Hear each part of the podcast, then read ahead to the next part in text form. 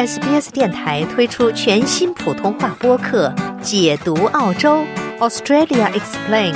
在这里，你可以轻松欢快的了解有关澳洲的有趣知识。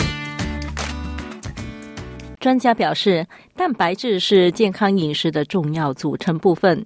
西澳大利亚的一家公司一直在研究如何使一种重要的蛋白质来源——羽扇豆。成为各种植物性肉类、乳制品替代品更具吸引力的替代品。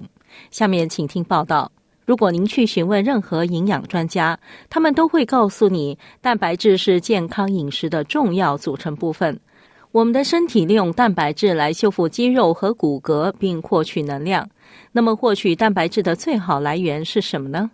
对于澳大利亚 Wide Open Agriculture 公司的食品科学家来说，它是一种叫做羽扇豆的东西。本克尔是该公司的创始人。Lupins are sort of the unsung hero, the unrecognized hero. 羽扇豆是一种新的植物蛋白来源的无名英雄或未被认可的英雄。它可以和大豆、豌豆、蚕豆这三大现任者相比美。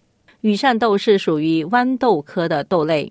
西澳大利亚农业部部长杰基·加维斯表示，传统上羽扇豆一直是该州农业景观的重要组成部分。So, West Australian farmers, um, particularly our grain growers, we basically feed the world with regard to grain, wheat, oats, barley, canola.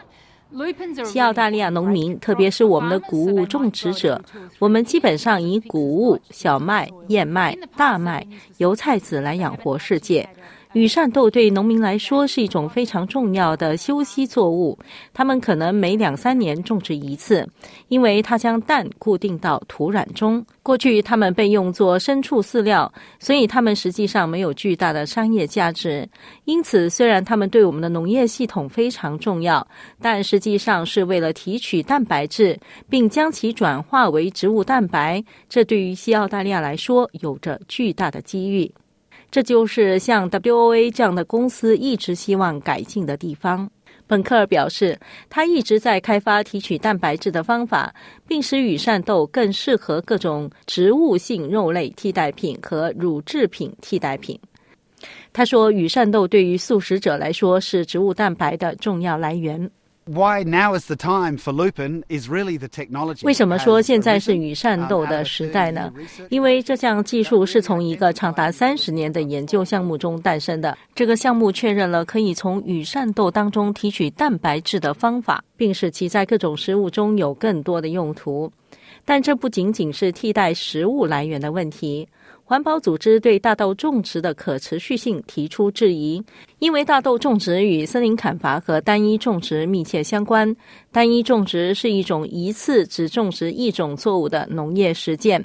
海德奥阿里是 Wide Open Agriculture 的高级食品科学家。Food manufacturing companies and scientists around the world, I think. 我认为世界各地的食品制造公司和科学家正在竞相寻找新的替代品，因为有关气候变化的信息已经更新，它正在发生，这是真实的事情。这些可能的替代品之一可能是羽扇豆作为这个问题的解决方案。本克尔认为，消费者会越来越发现羽扇豆的品质很有吸引力。Soy is the behemoth. Um, it is it is the one that consumers, if they look on the back of pack, they'll be finding soy in most plant-based materials. 大豆是一个庞然大物，消费者如果查看包装的背面，就会在大多数植物性材料中发现大豆。但是消费者开始关注标签背后的内容，并询问大豆是如何被生产出来的。它产生了使用大量水的化学密集型系统。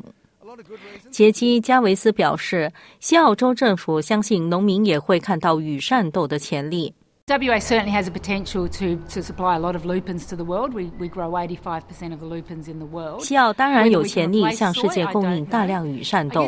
我们种植世界上百分之八十五的羽扇豆，它是否可以取代大豆，我不知道。我猜想西澳农民的优势是在旱地进行种植，这些是不用灌溉的作物。